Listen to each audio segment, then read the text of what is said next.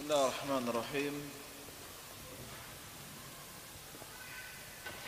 السلام عليكم ورحمة الله وبركاته. إن الحمد لله نحمده ونستعينه ونستغفره ونتوب إليه ونعوذ بالله من شرور أنفسنا وسيئات أعمالنا. من يهده الله فلا مضل له ومن يضلل فلا هادي له.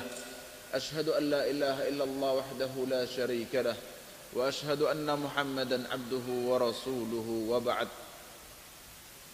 معاشر المسلمين والمسلمات Alhamdulillah Rabbil Alamin Kita bersyukur kepada Allah Subhanahu wa ta'ala Allah berikan kepada kita taufik Untuk terus belajar Dan semoga ini adalah tanda Kecintaan Allah subhanahu wa ta'ala kepada kita Ma'asyiral muslimin wal muslimat Kita sedang membahas hadis-hadis Yang berkaitan dengan Wudhu Tentang tata cara berwudhu Kemudian Sampai hadis ke berapa pekan lalu itu?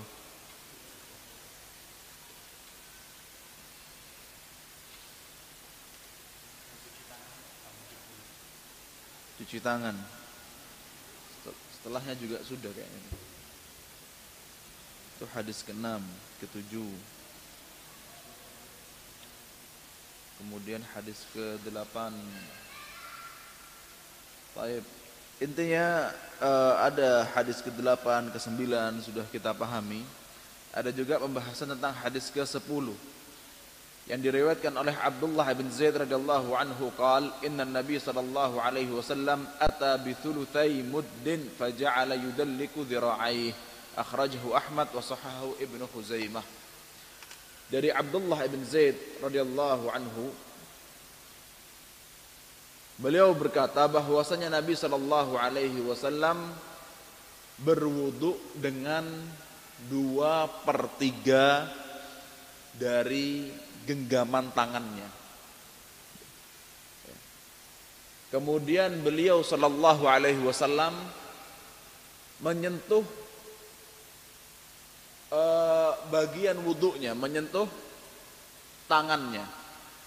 Ya. Nah, kemudian dari hadis ini apa yang kita pahami?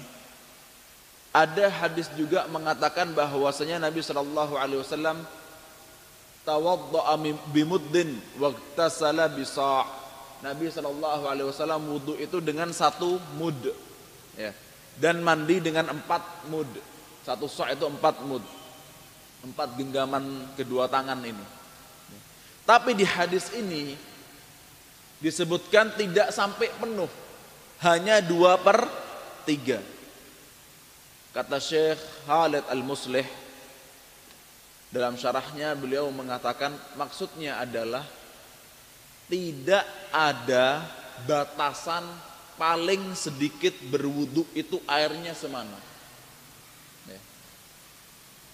yang pertama itu apa tidak ada batasan yang kedua bahwasanya disunnahkan untuk tidak mubadir, tidak berlebih-lebihan ketika berwudu. Padahal Nabi Muhammad wasallam itu orang Arab. Lebih besar daripada orang Jawa. Tapi orang Arab beliau sallallahu alaihi wasallam wudunya cuman satu mud bahkan dua per tiga. Tidak nyampe satu ya nah, tapi yang orang Jawa badannya lebih kecil ya. Lebih imut-imut cur airnya itu ya. kemudian disebutkan dalam hadis itu fayud yudallik yudallik itu artinya kalau sekarang orang Arab sekarang bilangnya tadlik itu artinya mijet tapi maksud dari hadis ini itu bisa mijet bisa menyentuh kemudian menyentuhnya itu atau mijetnya bisa pelan, bisa keras.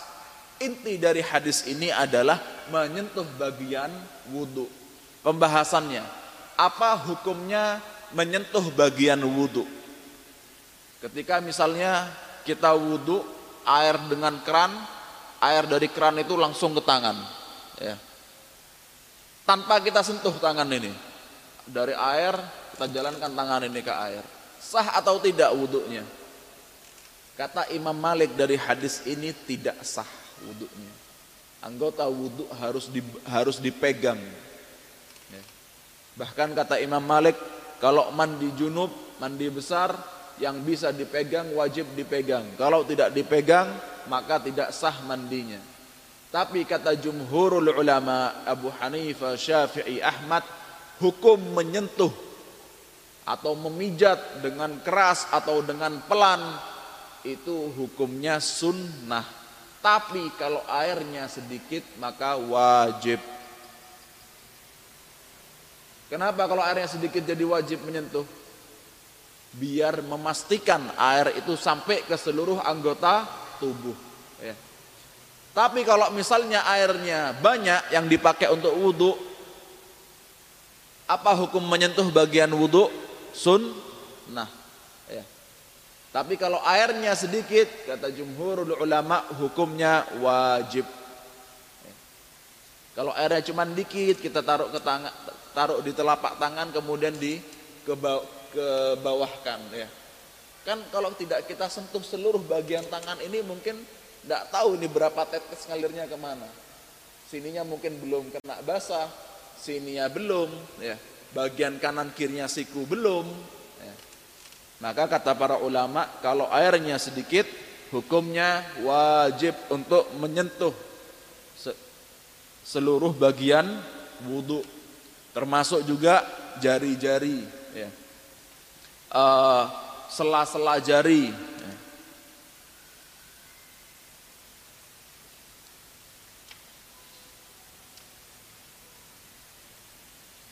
Tapi di dalam hadis ini disebutkan uh, menyentuh, memijat tangannya saja.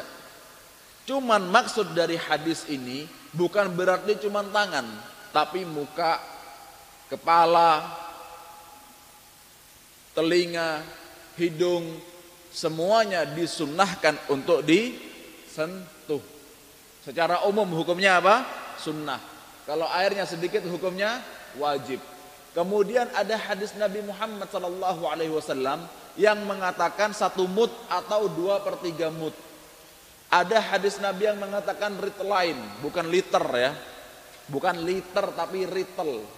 Ya, lain. Orang Arab dulu bilangnya ritel bukan liter. Satu ritel itu sekitar 430 gram kurang lebih. Intinya tidak nyampe setengah kilo. Ya. dari hadis ini bukan berarti kemudian disunnahkan kita untuk me menghitung ya. semana wudhu yang jelas wudhu itu airnya yang antum butuhkan dan jangan boros-boros. Tapi kalau terus dihitung sekitar satu gelas, misalnya satu gelas ini ya ditakar dua satu rit, uh, kemudian 430 kali dua jadi 860 gram misalnya itu sampai dihitung seperti itu tidak ada sunnahnya yang dilakukan oleh Nabi Muhammad sallallahu alaihi wasallam itulah yang beliau butuhkan dan bukan berarti beliau menakarnya harus segitu.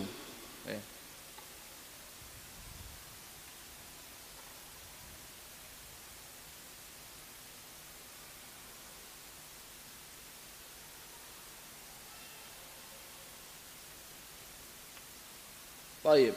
Kemudian hadis yang ke-11 wa anhu berarti dari Abdullah bin Zaid annahu ra'a an-nabiy sallallahu alaihi wasallam ya'khudhu li udunaihi ma'an ghayra al-ma'i alladhi akhadahu li ra'sihi akhrajahu al-Baihaqi wa huwa 'inda Muslim min hadha al-wajh bi lafzi wa masaha bi ra'sihi bima'in ghayra fadli yadayhi wa huwa al-mahfudz dalam satu pembahasan Al-Imam Ibnu Hajar ngasih dua hadis. Hadis yang pertama diriwayatkan oleh Baihaqi, yang kedua diriwayatkan oleh Imam Muslim. Hadis yang diriwayatkan oleh Imam Baihaqi menyebutkan bahwasanya Nabi Muhammad sallallahu alaihi wasallam ketika membasuh telinganya, beliau mengambil air yang baru bukan menggabung dengan airnya kepala. Dipahami hadis pertama ya? Berarti hadis pertama ini kalau mau membasuh telinga dengan air baru. Ya.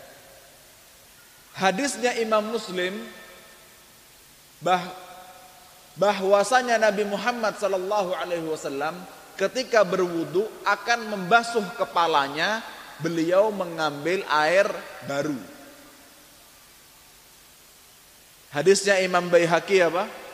Ketika membasuh telinga mengambil air baru. Hadisnya Imam Muslim ketika membasuh kepala mengambil air baru.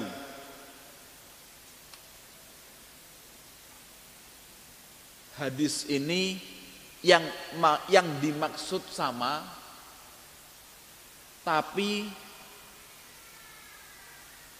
hasil fikihnya beda. Hadisnya sama-sama soheh.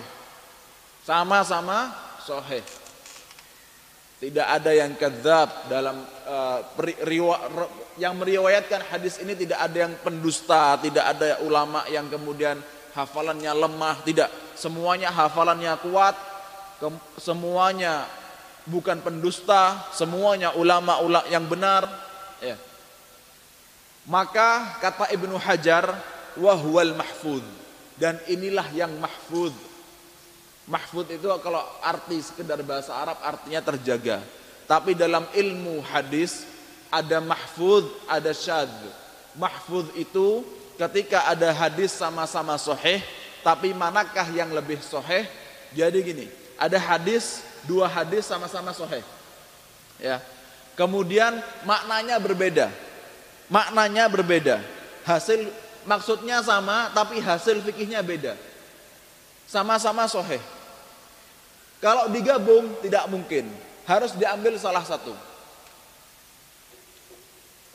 Maka ketika harus diambil salah satu dari segi sanatnya, riwayatnya yang lebih kuat itu dikatakan mahfud itu yang terpilih diambil.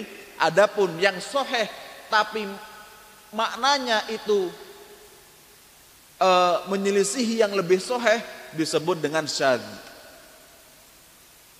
syad itu artinya keliru nah, makanya disebut ada hadis itu riwayatnya sahih tapi artinya keli, uh, tapi matannya isinya keliru. Contohnya hadis ini. Jadi hadis ini menunjukkan hadisnya Imam Muslim menunjukkan kalau mau membasuh kepala kepala kapan? Setelah tangan, ya. Setelah setelah membasuh tangan, mau membasuh kepala, itu ambil air baru. Tapi hadisnya Imam Baihaqi setelah membasuh kepala, kalau mau membasuh telinga, ambil air baru. Ya. Maksudnya hadis ini sama-sama ngambil air baru itu yang mana? Untuk kepala atau untuk telinga? Yang mengatakan untuk telinga secara sanat hadisnya itu soheh tapi tidak lebih soheh, tidak lebih banyak riwayatnya daripada riwayatnya Imam Muslim.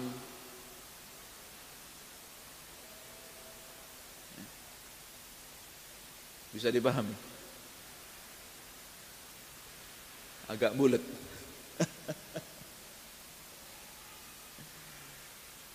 Intinya Kan antum tahu masyhur ya, ini pendapat masyhur.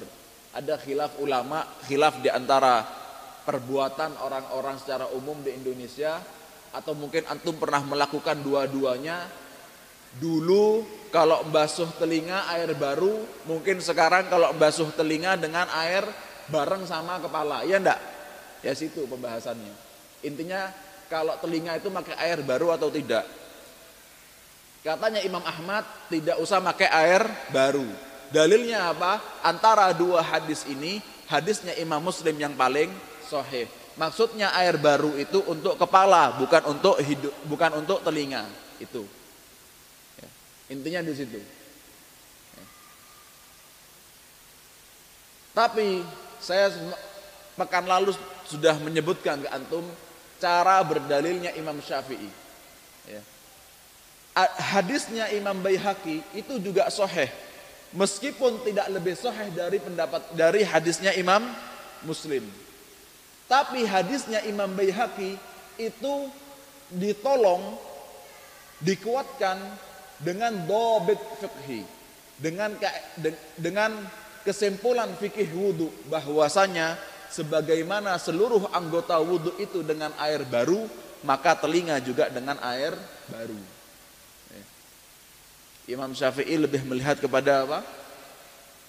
Dari banyak hadis kemudian disimpulkan. Ya. Adapun Imam Ahmad dari satu hadis ini kemudian mengambil satu pemahaman tersendiri. Ya.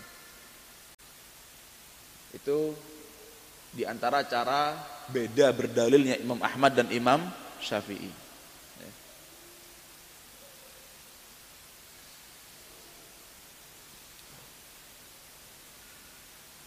Bisa dipahami hadis ini? Agak bingung.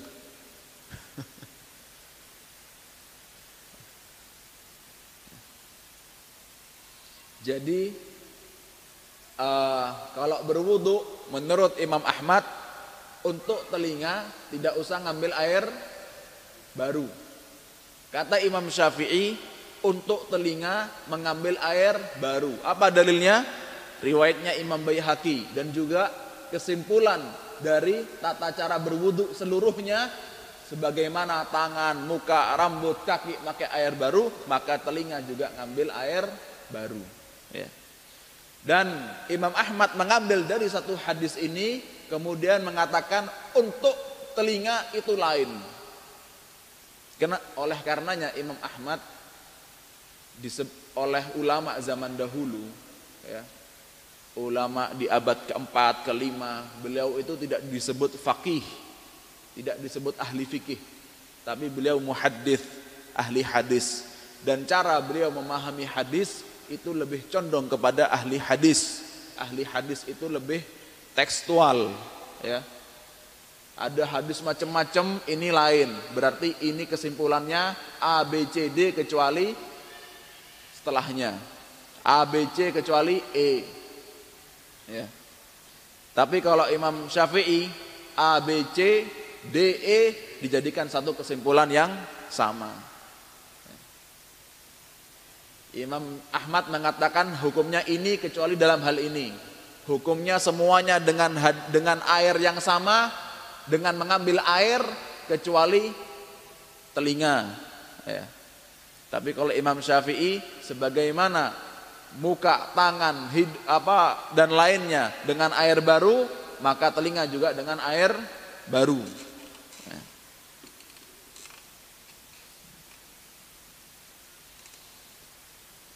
Ini dia contoh hadis soheh Tapi Tidak dipakai eh. Ada juga hadis doif Tapi dipakai. Karena hadis doif itu dikuatkan dengan hal-hal yang lain. Seperti dengan hadis kaitannya dengan wudhu yang lain misalnya ya. Wallahu a'lam bissawab. Kemudian berbicara tentang telinga sudah disebutkan dalam pembahasan yang lalu disunahkan bagaimana sunnahnya? Telunjuk di dalam jempol di luar kemudian diputar ya sebelum muter yang luar yang dalam diputar dulu semua terus yang luar ya. tapi ulama berbeda pendapat telinga itu wajib atau sunnah. Adapun jumhur ulama mengatakan hukumnya sunnah untuk telinga. Berarti kalau antum wudhu tapi tidak membasuh telinga, sah atau tidak? Sah. Sekarang antum mengatakan ini sunnah atau ini wajib. Dikatakan ini sunnah atau wajib, kapan antum melakukan ini wajib, kapan antum melakukan ini sunnah? Apakah ketika membasuh semuanya seperti ini? Tidak. Tapi meskipun hanya memasukkan Jari telunjuk ke dalam berarti sudah masuk ke yang diperintahkan, wajib atau sunnah. Ya. Itu antum pahami apa sekarang? Telinga, sunnah. Sunnahnya membasuh telinga adalah minimalnya memasukkan jari telunjuk ke telinga. Sempurnanya dalam sunnahnya telinga diusap seluruhnya. Ya. Kemudian hadis yang ke-12 Wa an Abi Hurairah radhiyallahu anhu qala sami'tu Rasulullah sallallahu alaihi wasallam yaqul Inna ummati ya'tuna yawmal qiyamah gurran muhajjalina min atharil wudu. Faman istata'a minkum an yutila gurratahu falyaf'al muttafaqun alaih wal lafdhu li Muslim. Naam. Hadis yang diriwayatkan oleh Abu Hurairah radhiyallahu anhu bahwasanya beliau mendengar Nabi Muhammad sallallahu alaihi wasallam bersabda Sesungguhnya umatku datang di hari kiamat itu dalam keadaan terang. Ya. Dalam keadaan terang dari sisanya air wudhu. Faman an yutila gurratahu falyaf'al. Maka barang siapa di antara kalian yang bisa menjadikan terangnya diri antum itu lebih panjang maka lakukanlah.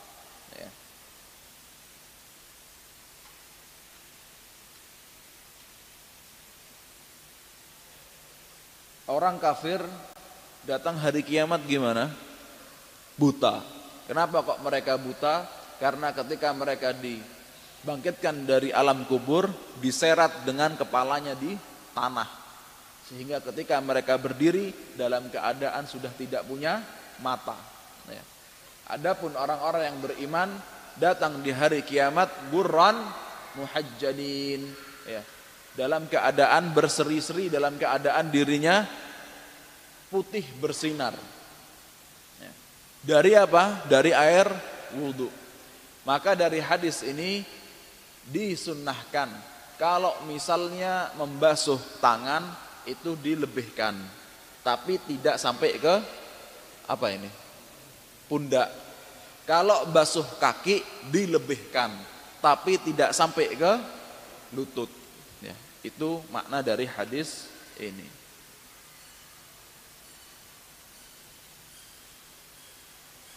Kemudian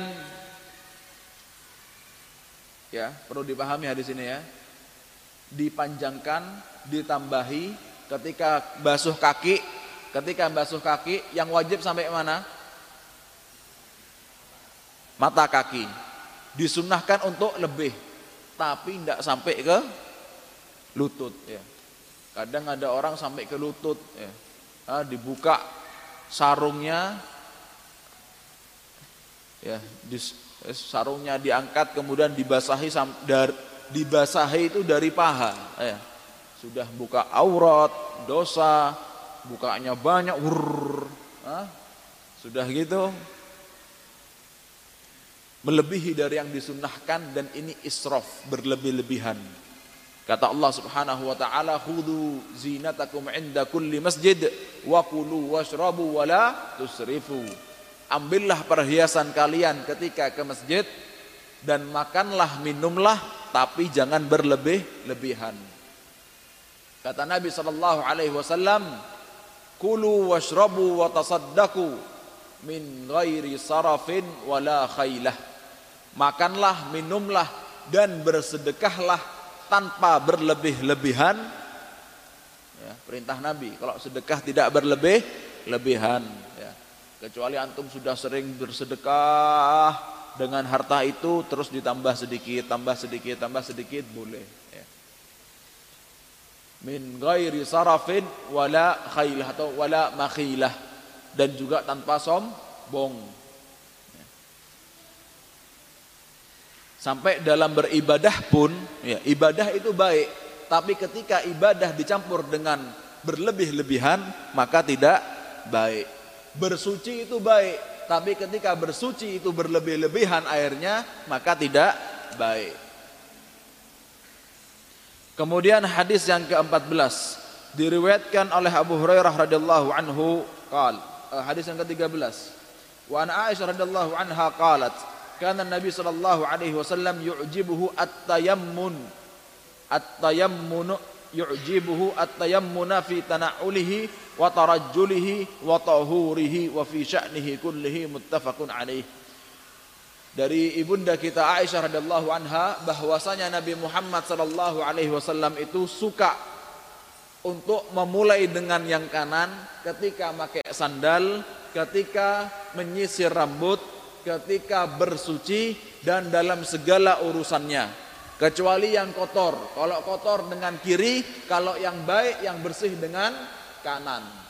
Ya. Dan termasuk di antara sunnahnya memulai menggunakan tangan kanan atau dengan kaki kanan yaitu ketika cukur ya. ketika cukur kalau cukur itu juga disunahkan mulai dari kanan kemudian kiri sudah kayak pang-pangan baru setengahnya diambil dan juga ketika menyisir rambut Nyisir rambut tuh jangan langsung dari tengah. Kalau motong rambut, kadang orang sukanya dari mana? Terserah. Ya, dari tengah, dari mana terserah, tidak ada. Ya, kasih tahu tukang cukur itu. Dan antum kalau misalnya sekarang banyak yang cukur sendiri di rumah karena pandemi, ya, mulai dari kanan. Ya. Tukang cukur ketika habis nyukur rambut antum terus mau disisiri, dilihatkan ke kaca pas apa enggak nih Ketika nyisir bilang, kanan juga pak, diajari. Apa susahnya nyukur dari kanan, nyisir dari kanan? Tidak ada susahnya. Ada sunnahnya, ada pahalanya. Jalan menuju ridha Allah subhanahu wa ta'ala. Ya. Dan juga ketika bersuci, bersuci apa pun. ya Wudhu maupun juga mandi. Mandikan jenazah juga mulai dari kanan. Ya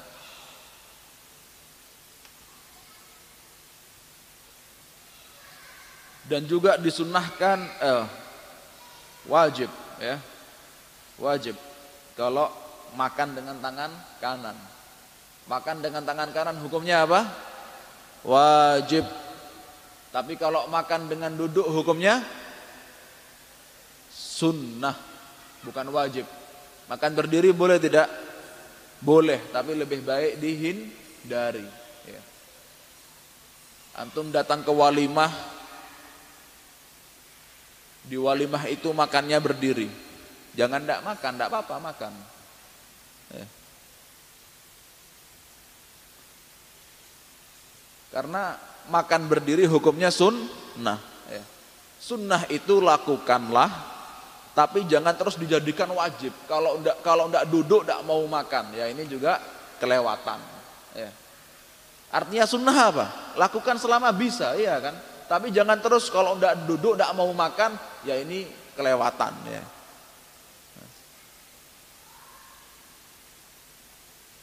Salat dengan sutroh hukumnya sunnah.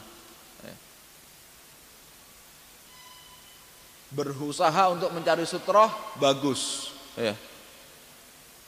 Tapi ketika di sini misalnya tidak ada tiang-tiang di tengah sini, ya. ada masjid banyak tiangnya, gampang mau sholat Tempatnya banyak ya. Kadang ada masjid tidak ada tiangnya, kecil lagi. Di sini masih enak, belakangnya ada kaca, tempatnya luas. Ada masjid yang tidak ada tiangnya, tidak ada setelah keluar pintu sudah keluar. Hah? Ya sudah tidak pakai sutroh, tidak apa-apa. Ya.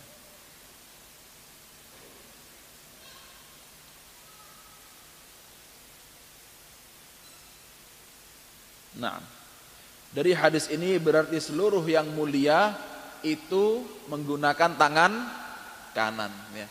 Ada kaidah kullu amrin yadullu ala adabin fahuwalin nadab. Seluruh perintah untuk sifatnya adab maka dia hukumnya sunnah. Dan seluruh larangan yang sifatnya adab maka dia maksudnya makruh bukan haram. Ya. Kecuali di sana ada larangan kerasnya di sana ada larangan kerasnya, ada ancamannya. Ya. Seperti tangan kiri ketika makan. Ketika ada sahabat mengatakan, aku tidak bisa ya Rasulullah. Rasulullah mendoakan keburukan baginya. Kalau gitu kamu tidak akan pernah bisa makan dengan tangan kanan. Ya. Maka ini hadis ini ancaman. Ya. Dari ancaman ini, sebagian ulama mengatakan makan dengan tangan kanan hukumnya wajib. Ya. Dengan dua tangan hukumnya mubah boleh. Ya. Dengan dua tangan hukumnya mubah dibantu. Tangan antum yang kanan kotor, yang kiri bersih, megang gelas, beratnya dengan tangan kiri, tapi tangan kanannya ikut, tidak apa-apa. Kalau cuma tangan kirinya aja, ini haram. Tangan kanannya juga harus ikut megang gelas, meskipun bukan beratnya. Ya. Nah. Kemudian hadis yang ke-14 dari Abu Hurairah radhiyallahu anhu qala Qala Rasulullah sallallahu alaihi wasallam, "Idza tawadda'tum fabda'u bima yaminikum." Apa kalian berwudu maka mulailah dengan yang kanan. Jamaah, antum wudu mulai dengan yang kiri. Sah atau tidak sah? Tangan mulai yang kiri. Ya. Kaki juga mulai dari yang kiri. Sah atau tidak? Kiri dulu terus kanan. Hah? Sah. Tapi menyelisihi sun Nah, ya, tidak berdosa ya, tidak berdosa. Tapi meninggalkan sunnah eman.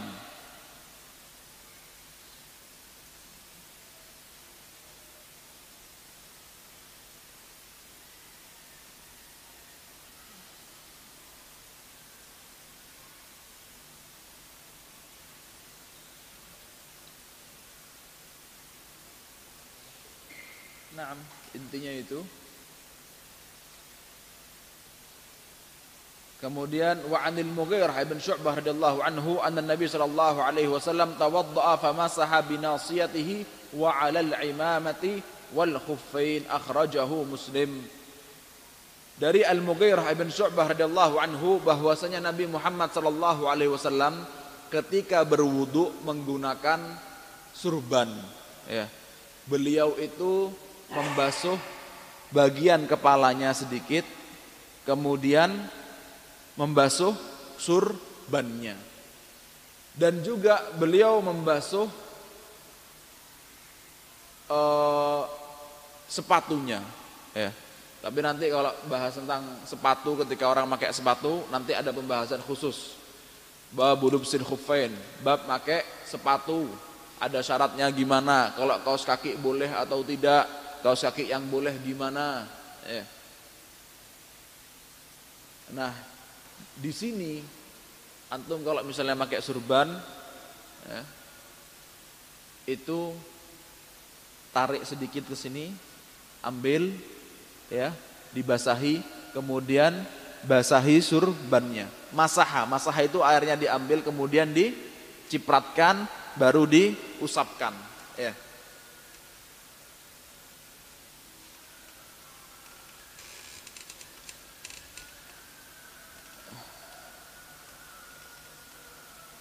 Tapi surban yang seperti apa? Surban yang panjang.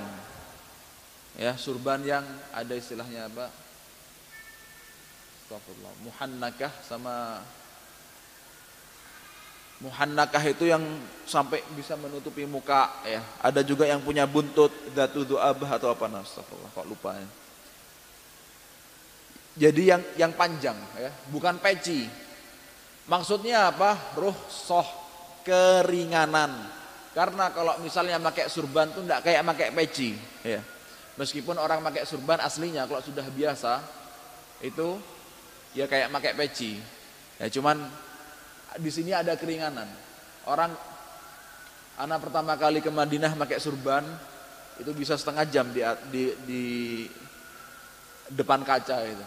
Wah kurang pas, kurang pas, kurang pas. Ya salah salah tapi kalau sudah biasa mau sholat pakai surban bisa rapi insya Allah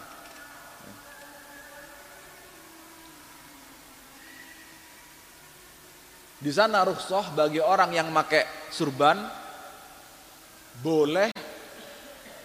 Misalnya gini ya Meskipun e, berpendapat misalnya ikut pendapat misalnya wajib, ya. Wajib seluruhnya, tidak sebagiannya. Kalau misalnya pendapat mengikuti pendapatnya Imam Syafi'i, kemudian hanya membasuh sebagiannya, ya, basuh sebagiannya di sini. Biasanya kan surban itu sampai sini. Ya, sininya bisa kosong. Cuman di sininya dibasuh, surbannya tidak ikut dibasuh, tidak apa-apa, sah. Ya. Tapi lebih disunnahkan lagi bagi orang yang pakai surban, itu surbannya juga dibasuh. Ya. Dan surban hukumnya Eh, kata Syekh Ahmad ibn Ali al-Makrami hukumnya surban itu lebih disunahkan dari peci ya. surban lebih disunahkan dari peci ya. gimana antum mau surbanan minggu depan ya. tapi bukan surban yang dijatuhkan ke bawah kayak orang Arab Saudi bukan ya. surban yang diling, yang dilipatkan itu hukumnya sunnah. Ya ini di sana ada khilaf ulama apakah surban itu sunnah? Atau yang penting penutup kepala bahkan ada ulama bilang meskipun penutup kepala yang dipakai sama Nabi itu adat. Kalau di tempatnya tidak ada adat penutup kepala berarti tidak disunahkan pakai peci. Ada ulama bilang seperti itu. Ya. yang tersebar pendapat sekarang adalah apa? Yang penting penutup kepala. Tapi yang lebih sahih wallahu a'lam penutup kepala disunahkan dan yang lebih disunahkan adalah surban. Eh. Dan surban itu surbannya orang Yaman macam-macam, surbannya orang Saudi macam-macam, gaya mereka pakai itu macam-macam. Ya. Intinya yang ada buntutnya atau buntutnya diambil untuk menutup wajah itu sudah mendapatkan ruh soh. Tapi kalau misalnya surbannya orang mana ya? Yang kadang di Arab itu mereka pekerja keras lah, tukang-tukang itu. Kadang mereka dibuat surban, di tali di sini, tapi pakai itu apa? Kain buat ingus dulu. Apa? Hah? Itu tidak termasuk. Tidak termasuk sapu tangan. Apa banyak sapu tangan dibuat untuk kepala? Ya banyak. Kadang pekerja yang sapu nyapu apa itu, mereka orang Arab pakai surban, mereka pakai sapu tangan itu. Ini tidak termasuk rukhsah. Nah, kita tutup untuk sholat. Barakallahu fikum.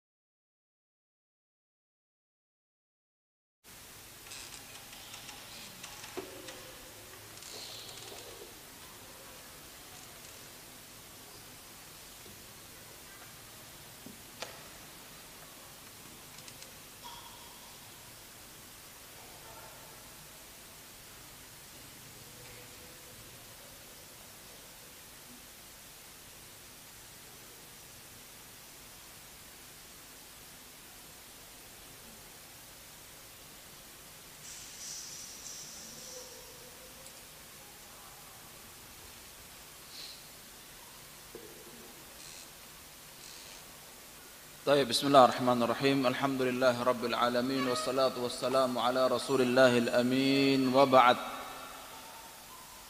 نعم معاشر المسلمين والمسلمات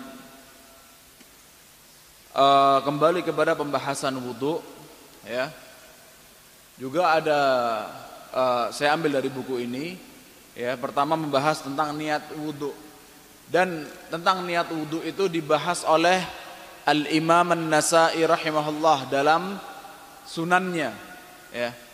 Kata Imam Nasai hadis Nabi Muhammad sallallahu alaihi wasallam tawaddau bismillah atau tawaddau bismillah atau kama qala sallallahu alaihi wasallam berwuduklah kalian dengan membaca bismillah ya.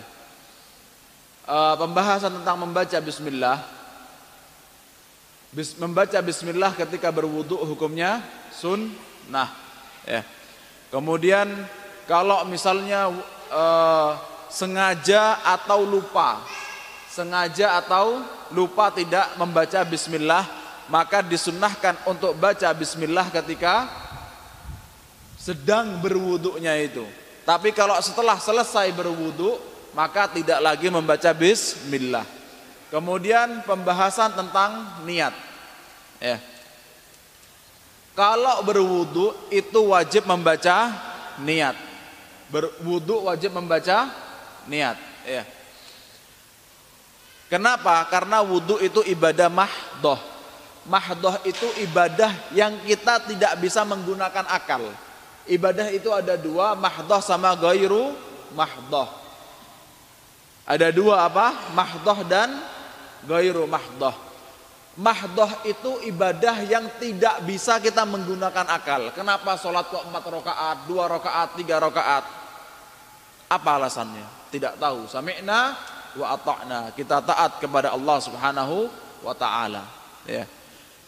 Itu mahdoh. Kenapa kok orang buang air besar, buang air kecil, buang angin, yang dibasuh wajah, kepala, tangan, kaki. Kenapa? Apakah otak bisa memikirkan? Tidak bisa. Ini namanya ibadah mahdoh. Ibadah yang akal tidak ada ruang di sana untuk memikirkan. Tapi kalau ibadah gairu mahdoh adalah ibadah yang akal bisa memikirkan. Nah, akal yang bisa berpikir dengan ibadah ini itu tidak perlu niat. Contohnya apa? Membersihkan tempat kotoran. Ya membersihkan tempat kotoran tidak perlu niat. Ada orang buang air kecil. Ya ada orang buang air kecil kemudian tempatnya keluar kotoran itu dia cuci tanpa niat. Kemudian wudhu dan sholat. Apakah sah wudhu dan sholatnya? Sah. Kenapa? Membersihkan kotoran dari tempatnya tidak perlu niat, jelas. Nabi perintahkan bersihkan kotoran itu dari tempatnya, jelas. Kenapa kok dibersihkan? Biar bersih, biar suci, hilangkan bekasnya. Ya. Dengan akal kita tahu, tidak perlu niat. Tapi kalau orang berwudu tanpa niat, lagi basuh muka, basuh tangan, tidak ada niat. Oh sekalianlah tak wudhu, terus basuh kepala sama kaki. Sah atau tidak? Tidak sah. Kemudian kembali lagi pembahasan niat itu dengan lafat atau tidak melafatkan niat.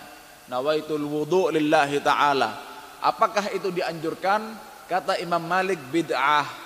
Kata Imam Syafi'i mustahab dianjurkan. Kata Imam Ahmad dan Imam Abu Hanifah hasan baik untuk dilakukan.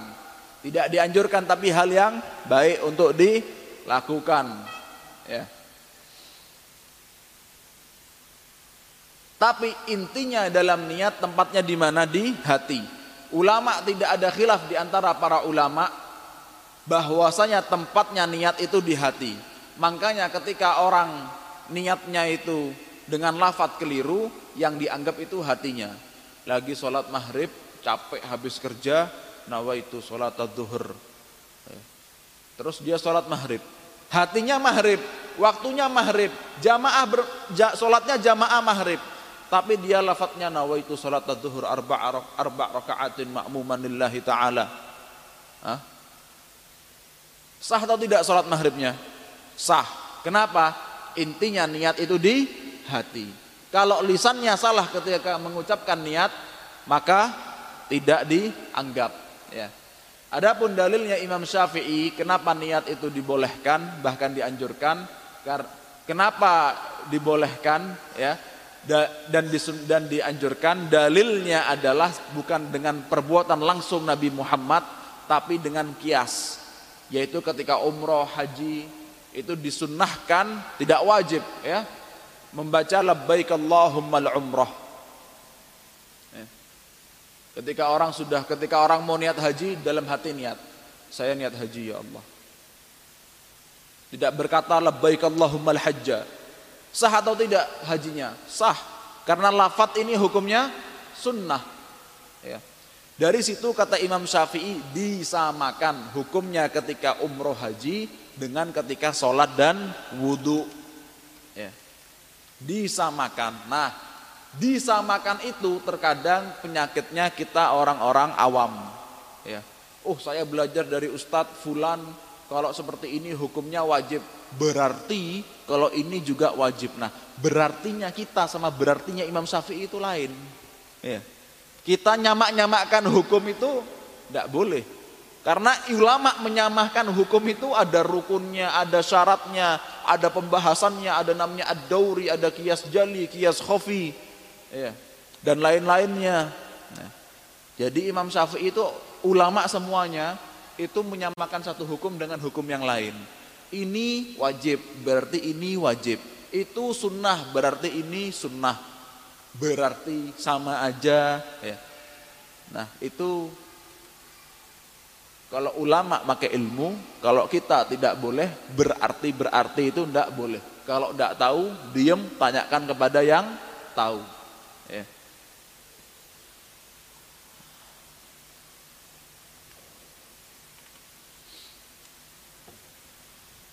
Kemudian uh, wajibnya ketika berwudu itu apa? Niat. Membasuh wajah, kemudian tangan, kemudian kepala, kemudian kaki. Ya. Berarti ketika telah saya sampaikan yang lebih tepat wallahu alam mulut dan hidung tidak wajib. Telinga juga tidak wajib. Hukumnya apa? Sunnah. Ya. Kemudian ada permasalahan eh, yang disebut dengan at-tauliyah yaitu langsung. Uh, setelah membasuh muka langsung tangan. Hukumnya wajib atau sunnah? Kalau wajib berarti ketika menjedah wudhunya tidak sah kalau sunnah berarti hukum wudhunya sah habis basuh muka ada teman datang di tempat wudhu, lama ada ketemu. Ahlan wa sahlan, ya apa baik dari mana? Oh lewat mana tadi macet apa enggak sama siapa aja? Ya, sudah ngomong lima menit, terus basuh tangan. Sah atau tidak wudhunya? Hah? Kata Imam Ahmad tidak sah, kata Imam Syafi'i sah. Karena atau dia melanjutkan dari satu tempat ke tempat yang lain, kata Imam Syafi'i hukumnya sunnah. Kata Imam Ahmad hukumnya wajib. Ya. Dan yang saya ikuti dalam hal ini pendapatnya Imam Syafi'i. Ya. Jadilah Syafi'i kecuali hukum jual beli. Ya. Nah. Makanya saya pernah ketika itu di rumah uh, sama orang tua dari Madinah liburan. Ayah saya mau ke masjid biasanya bareng ke masjid naik sepeda motor. Saya lagi wudhu ayah saya ini kalau orangnya tidak mau nunggui ya. jadi kalau saya terlambat ya sudah dia ke masjid sendirian. Kalau saya ada motor lain alhamdulillah kalau tidak ada motor ya sudah. Ya. lagi basuh muka sudah. Bal ayo bal cepetan wah cepet-cepetan sampai kaki sudah gereng belum kaki sudah gereng-gereng ya saya belum basuh kaki, sudah naik motor sampai masjid, basuh kaki terus sholat. Ya. Hah? Langsung lanjut. Jaraknya dari rumah ke masjid naik motor karena angin sudah kering itu. Ya. Dan dan makna dari at-tauliyah melanjutkan satu bagian ke bagian yang lain tanpa jeda ya. Itu dobitnya atau takarannya adalah muka ini tidak kering ya. Di dal ketika keadaannya itu stabil hawanya itu kalau orang Arab ketika itu bukan lagi dingin, bukan lagi panas, bukan lagi hujan, ya. bukan lagi kena kipas angin terus cepat kering. Ya. Jadi kata Imam Ahmad, ketika tauliah hukumnya wajib. Melanjutkan dari satu dari satu bagian ke bagian yang lain hukumnya wajib. Ya. Kalau dijeda maka tidak sah. Dijeda yang tidak sah itu yang seperti apa? Kalau misalnya muka ini sudah dibasahi, kemudian sampai kering di Indonesia misalnya, di sini antum, hawanya sedang 20, 25, ya, sedang lah, 30 masih sedang, ya.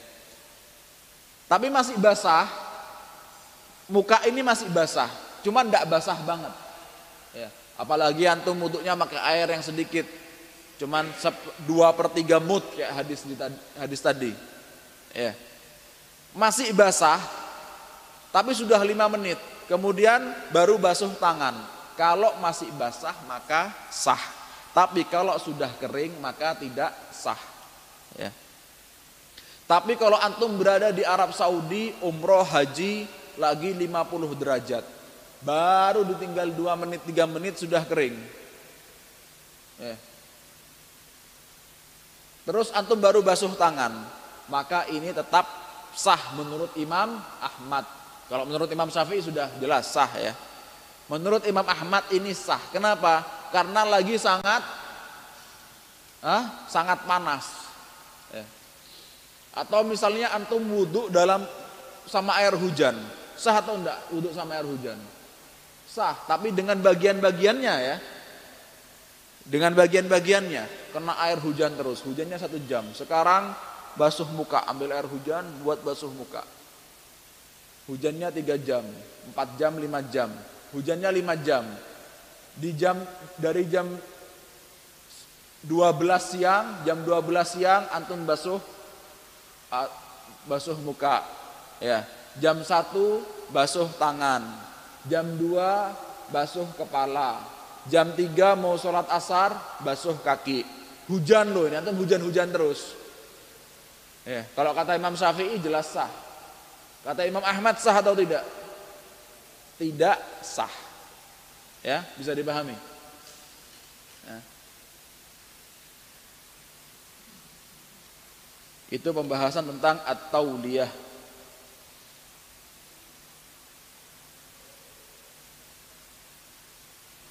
Kemudian jenggot itu yang ada di sini ya, yang ada di muka, jenggot yang ada di muka itu wajib kena air ya, di sela-sela. Tapi yang keluar dari muka, turun dari muka itu hukumnya sunnah, tidak wajib. Ya.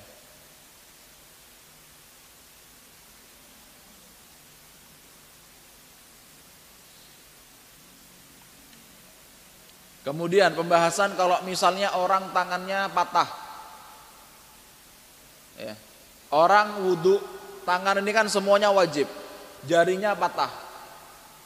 Berarti yang wajib dibasuh dari mana? Hah? Telapak tangan ke bawah. Orang telapak tangannya putus, diamputasi. Berarti yang wajib dibasuh mana? dari pergelangan telapak tangan ke siku. Ya. Orang di tengah-tengah ini zira apa ini namanya bahasa Indonesia? Hah? Hasta. Lengan. Ya lengan sini ya. Dalam bahasa Arab namanya zira. Ya. Di tengah-tengahnya itu uh, diamputasi Berarti wajib membasuh dari yang diamputasi itu dari pucuknya sampai ke siku. orang diamputasi tidak punya tangan dari siku-sikunya. Berarti wajib membasuh siku-sikunya. Tapi ketika orang diamputa orang tidak punya tangan ya, orang tidak punya tangan e, dari sini ya. Dari atasnya siku. Berarti tidak wajib untuk membasuh tangan. Bisa dipahami? Jelas ya? Kemudian tentang membasuh kepala. Membasuh kepala itu dimulai dari depan ke belakang, kemudian ke depan lagi. Ya, itu kata Imam Ahmad wajib, kata Imam Syafi'i sunnah. Ya. Dan yang benar pendapat siapa? Hah? Kalau tanya saya Imam Syafi'i ya. Tapi nanti kalau kita sudah nyampe hadis jual beli, kita ambil pendapatnya Abu Hanifah ya. Hah? Ya. Kemudian Nah, bagaimana kalau misalnya orang botak? Wudhunya gimana?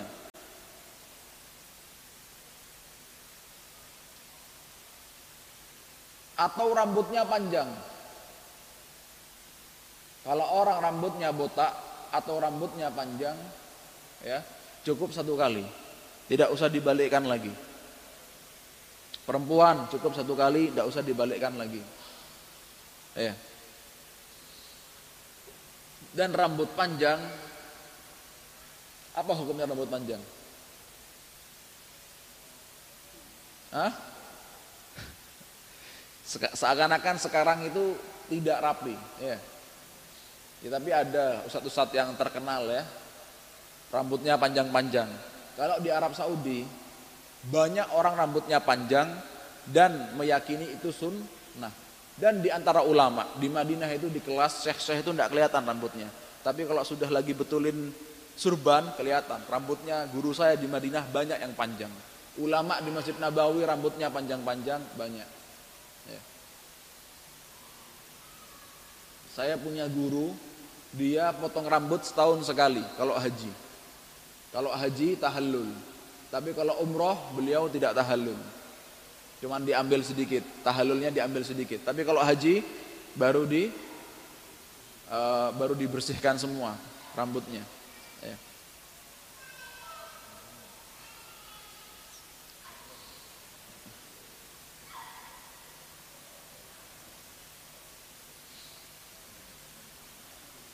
Naam, kemudian masa pembahasan fikih di kepala juga kalau pakai surban, yang dibasuh surbannya dulu atau kepalanya dulu? Kepala dulu baru surban. Naam. Kemudian disunahkan untuk memperpanjang gurrah. Gurran muhajjalin min atharil wudu. Gurrah itu wajah. Jadi ketika basuh wajah, lehernya juga dibasahi. Hukumnya apa? Sunnah. Ya. Muhajjalin itu untuk tangan dan kaki. Ya.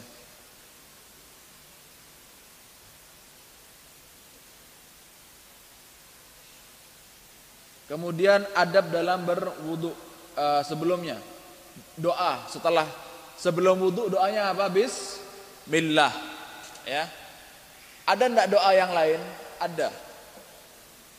Tapi tidak ada sunnahnya setahu saya. Cuman kadang di masjid di tempatnya wudu disebut doa berwudu ada tulisannya. Alhamdulillahilladzi ja'alal ma'a tahura. Segala puji bagi Allah yang telah menjadikan air ini menyucikan. Setahu saya wallahu a'lam yang sahih dari hadis Nabi Muhammad sallallahu alaihi wasallam adalah tawaddau bi bismillah. Wudulah kalian dengan bismillah.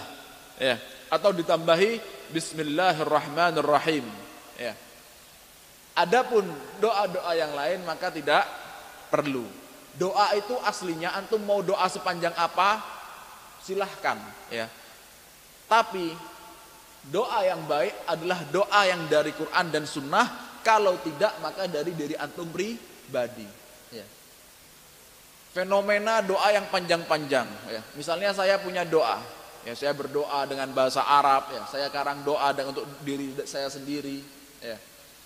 Kemudian antum minta ke ana doa, Ustadz tolong tuliskan doa doa antum Ustaz. Oh iya, anak tuliskan. Mau berapa? Satu halaman, dua halaman, tiga halaman, lima halaman. Ya. Terus antum doa dengan itu atau bahkan antum hafalkan doa-doa yang anak tulis itu. Boleh atau tidak? Boleh. Tapi ada apa? Apakah doa dari Quran dan Sunnah itu sudah dihafalkan dan dipraktekkan semua? Manakah yang lebih mulia? Doa kumpulan dari lisan saya, dari tulisan saya, atau dari lisan Muhammad Sallallahu Alaihi Wasallam? Kan seperti itu. Ya. Jadi dalam hal doa itu tidak perlu repot-repot ngambil dari selain Quran dan sunnah. Ya. Kemudian adab uh, doa ketika wudhu. Apa doanya? Membaca dua syahadat. Ashhadu an la ilaha illallah wa ashhadu anna muhammadan rasulullah. Kemudian ditambahi lagi apa? Allahumma ja'alni minat tawabin wa ja'alni minal mutatahhirin. Ya Allah jadikanlah aku hamba yang baik dalam bertobat Terus suka bertobat Dan jadikanlah aku hamba yang terus suka untuk bersuci ya. Itu doanya Insya Allah sudah hafal semua ya Allahumma ja'alni minat tawabin Wa ja'alni minal mutatahhirin. Kalau habis buang hadas apa doanya? Kita tidak bahas kayaknya sebelumnya itu. Habis buang hajat keluar kamar mandi yang mudah gufranak ya. oh sudah kita bahas ya? Ya. Kemudian ada doa yang lain. Alhamdulillahilladzi adhaba annil adha wa segala puji bagi Allah syukur alhamdulillah Allah yang telah menghilangkan dari kita ini yang tidak baik ya kalau ada kotoran di tubuh tidak keluar kan tidak baik itu. Ya kalau di surga tidak ada kotoran yang keluar. Tapi habis makan keluarnya dari mana? Hah? Dari keringat atau dari gelegean. Ya.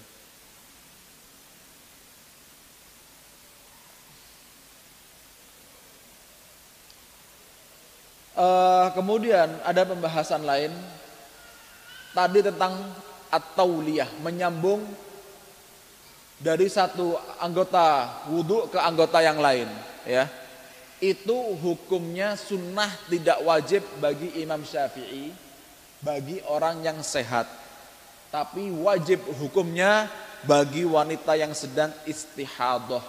Wajib hukumnya langsung menyambung bagi laki yang punya beser.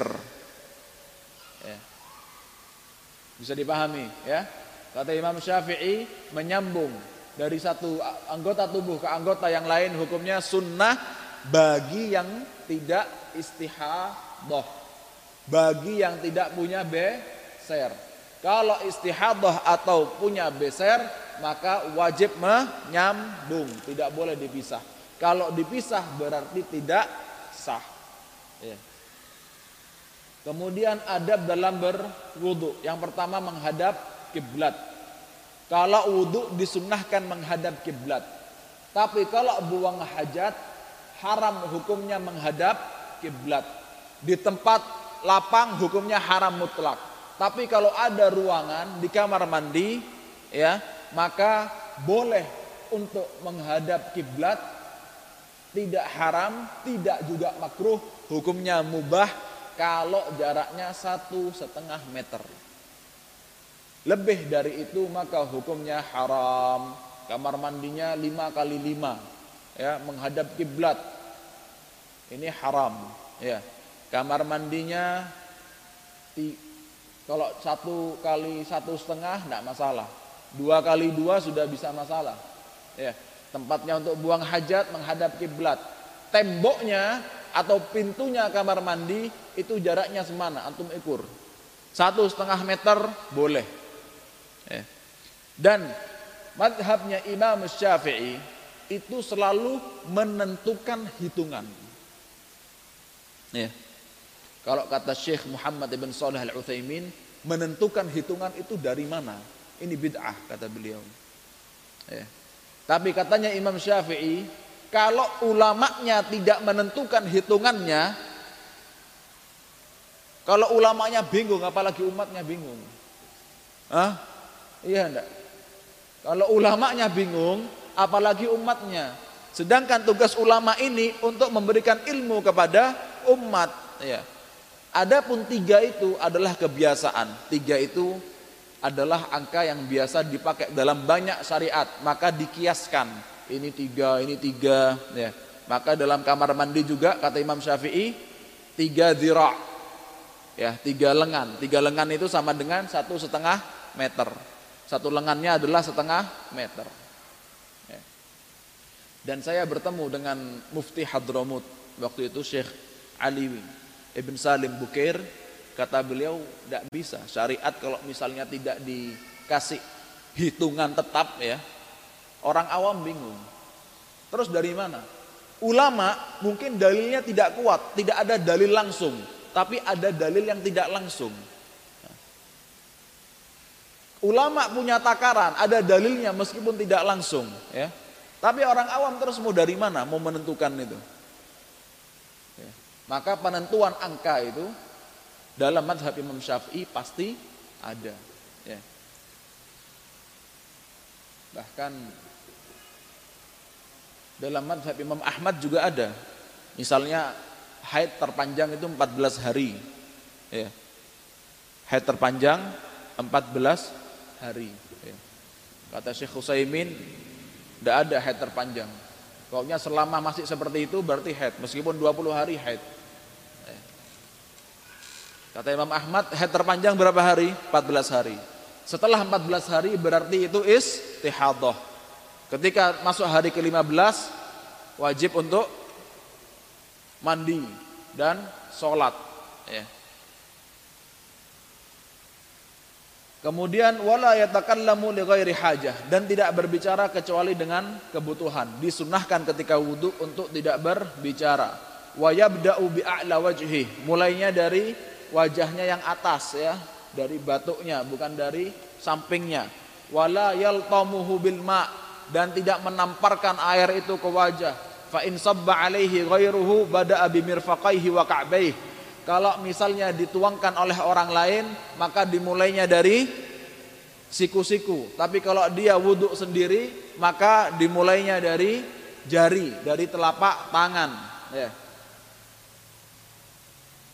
Bada'a wa in sabba ala nafsihi bada'a bi asabi. Na'am. Wa yata'ahadu ma'aqi ainaihi wa aqibaihi. Dan memastikan tempatnya air mata keluar ketika nangis itu harus basah. Wa akibaihi kata Nabi sallallahu alaihi wasallam wailun lil aqabi minan nar. Celaka neraka bagi orang yang wudu kakinya tidak basah semuanya. Tumitnya tidak basah ya. Wa nahwuhu wa nahwahuma mimma yukhafu igfaluhu la siyama fis syita dan selainnya yang ditakutkan untuk tidak kena basah terutama kalau di musim dingin. Ya. Antum ke mana? B29. Hah? Terus wuduknya cepet-cepetan. Ya. Itu justru ketika ditakutkan ada yang kelewat, harusnya apa? Lebih diperhatikan. Ya. Cepat boleh, tapi harus pasti. Ya. Jangan terus asal kaki, asal tangan dibasuh, tapi kemudian ternyata siku-sikunya tidak kena, tumitnya tidak kena, ya. Jadi kalau ke B29 justru harus lebih hati-hati kalau wudhu, ya. Bukan cepat-cepat tapi terus tidak basah. Ya. Wa yuharriku khatamahu hatta yadkhulal ma' tahtahu. Kemudian menggerakkan uh, cincinnya ketika berwudu. Kalau tidak basah maka tidak sah, sudah dijelaskan. Kemudian ada juga pembahasan tentang uh, nah perlu diperhatikan juga kuku panjang. Ya. Kukunya panjang, ada tanahnya, tidak sah. Perlu diperhatikan, kukunya panjang, terus di kuku itu ada tanahnya, menghalangi ya, sampai menghalangi, menghalangi air kena ke kulit, ya maka ini tidak sah. Ya. Kalau tidak menghalangi tidak apa-apa. Ya, sama pakai kutek tidak sah wudhunya. Ya. Kemudian ada pembahasan kalau misalnya make uh, semir ya yang menghalangi air dari rambut sah atau tidak tidak sah ya pakai semir boleh ya antum yang masih muda-muda kita semua nih ya rambutnya masih hitam Ya. Terus nyemir rambut. Apa hukumnya? Fasik. Gimana? Mubah hukumnya boleh. Rambutnya hitam, nyemir rambut hukumnya boleh. Kalau rambutnya putih, nyemir rambut hukumnya sunnah. Ya. Tapi yang haram apa? Menyerupai orang-orang fasik. Ya. Yang haram menyerupai orang fasik. Ya dengan warna hitam menyemir hukumnya banyak ulama mengatakan haram ya tapi kalau untuk jihad hukumnya wajib ya.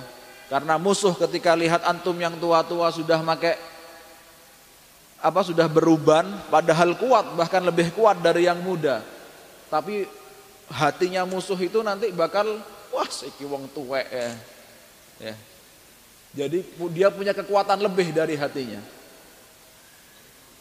Kemudian pembahasan tentang setelah wudhu bolehkah untuk uh, mengeringkan ya diandui kepalanya habis wudhu kemudian tangannya kakinya diandui boleh atau tidak ada hadis yang melarang, ada hadis yang membolehkan. Kata guru saya Syekh Ahmad ibn Ali Al-Makrami, la adri, tidak tahu mana yang benar.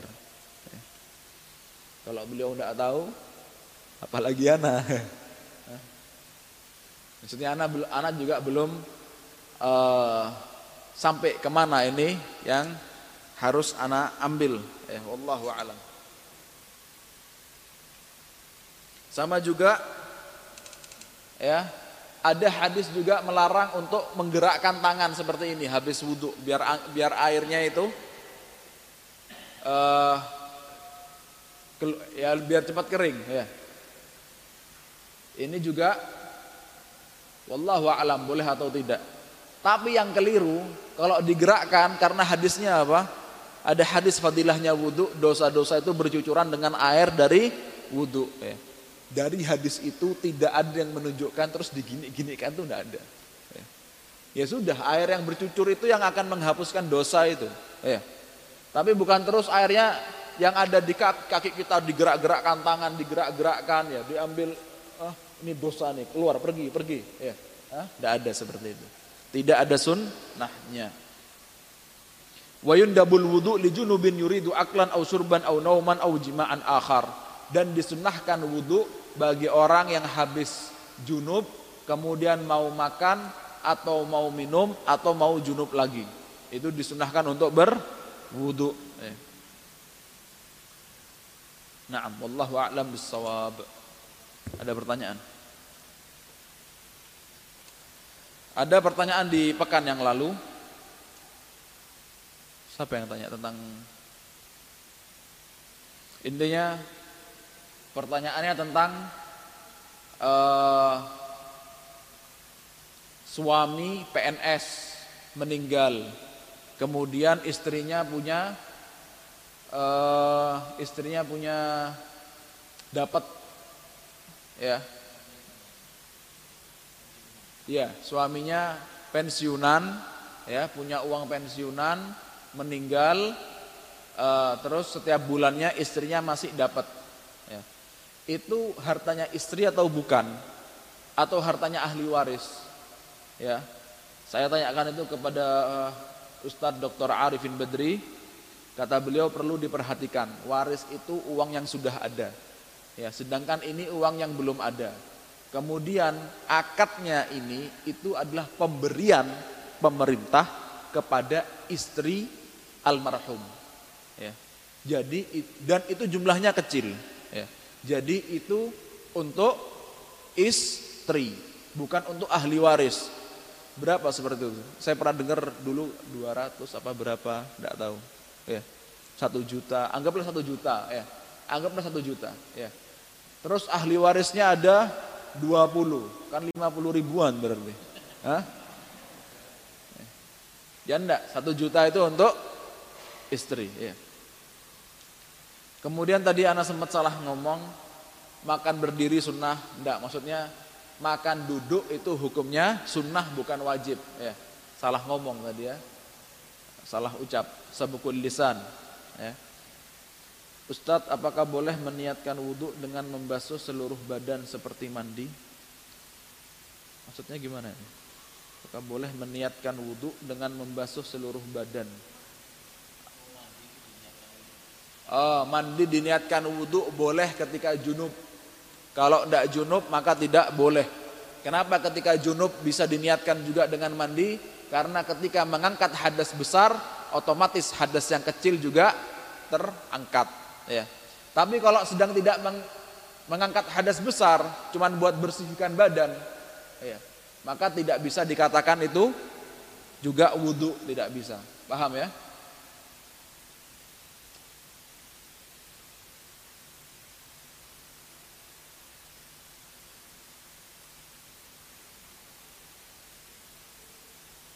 Ustadz terkadang saya kalau buang air kecil udah merasa bersih tapi pas wudhu kayak terasa netes bagaimana cara bagaimana caranya lah.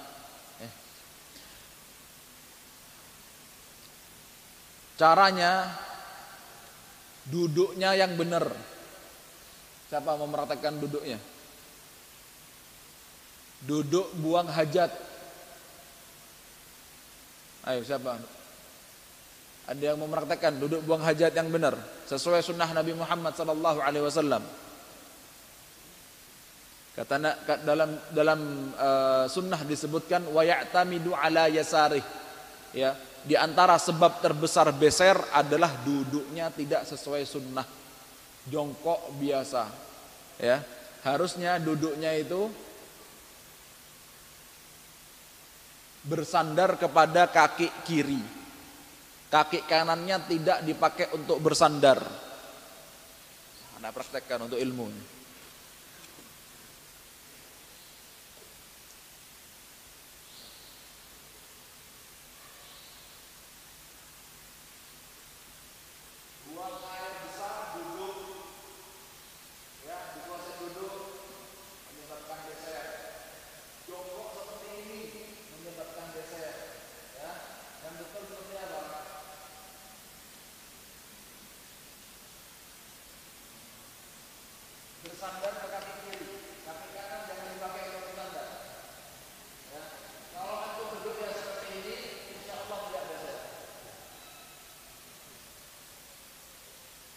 dipahami ya? Sama, dicoba dulu.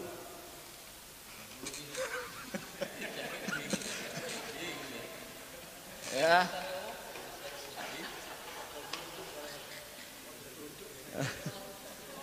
Kemudian kalau duduknya sudah seperti yang sunnah tadi itu wayatamidu ala yasari kalau kerasa beser laki perempuan buat dehem Ya. Kemudian untuk laki dipijit dari pangkalnya sampai ke depan. Ya, ditarik dari pangkal sampai ke depan. Ya. Terus kalau masih beser qadarullah wa masya'a fa'al setiap kali sholat ya harus wudhu ya setiap kali sholat harus wudhu sholat wajib ya Habis sholat maghrib mau sholat sunnah tidak usah wudhu lagi. Tapi dari maghrib mau isya wajib wudhu lagi. Ya.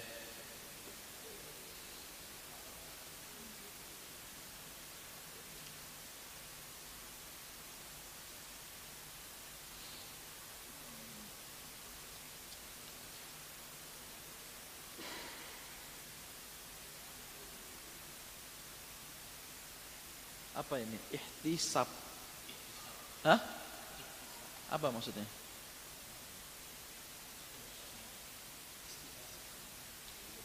mem, uh, kumur, kemudian masukkan air ke hidung, ya.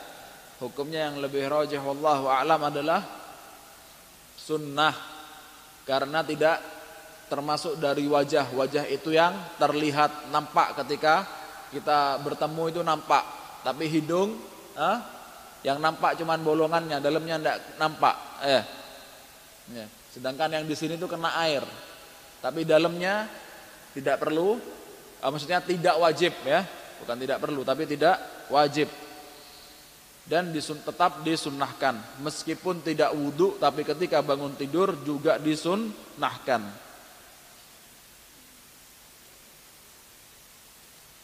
Dan kumur dan juga untuk hidung itu tiga kali, tiga kali. Caranya yang paling sunnah, wallahu a'lam, sekali ngambil air itu untuk mulut dan hidung ya dan tiga kali mengambil air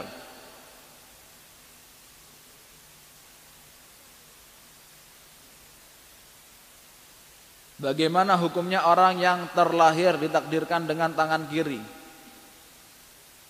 Ya kalau misalnya makan, minum mungkin maksudnya orangnya kidal ya. Nulis kidal tidak apa-apa, tapi makan, minum jangan kidal. Silahkan kidal ketika matok palu, kidal ketika nendang bola, kidal ketika kidal apa pun, tapi kalau makan minum jangan kidal. Ada sahabat ketika itu bilang saya kidal ya Rasulullah, bisanya cuma tangan kiri. Kemudian Nabi doakan, kalau gitu kamu terus akan dengan tangan kiri dengan caranya syaitan. Ya. Kidal boleh tapi bukan dalam makan dan minum. Atau ketika kidal diikuti dengan tangan kanan ya, ketika minum enaknya tangan kiri, tangan kanannya juga ikut dua tangan. Ya. Wallahu a'lam bissawab. Sampai sini kita tutup dengan doa kafaratul majlis. Subhanakallahumma wa bihamdik asyhadu an la ilaha illa anta astaghfiruka wa atubu ilaik. Tsumma assalamu alaikum warahmatullahi wabarakatuh. dan cara tambahan ya cerita cara kencing atau buang air seperti tadi itu kalau antum ke Arab ya di padang pasir kadang ada orang buang air ya orang Arab tuh biasa seperti itu kita aja yang mungkin di sini belum terbiasa seperti itu di padang pasir itu biasa mereka seperti itu agak menjauh dari jalan kemudian kalau buang air, buang air tuh seperti itu saya pertama kali datang ke Arab bingung wah ini gaya apa ini ya? Padahal sudah belajar dulu di pondok sunnahnya seperti itu, tapi belum ngerti contohnya ini seperti apa. Terus oh ternyata dicontohkan sama teman sama guru di Madinah seperti itu. Wallahu a'lam bissawab.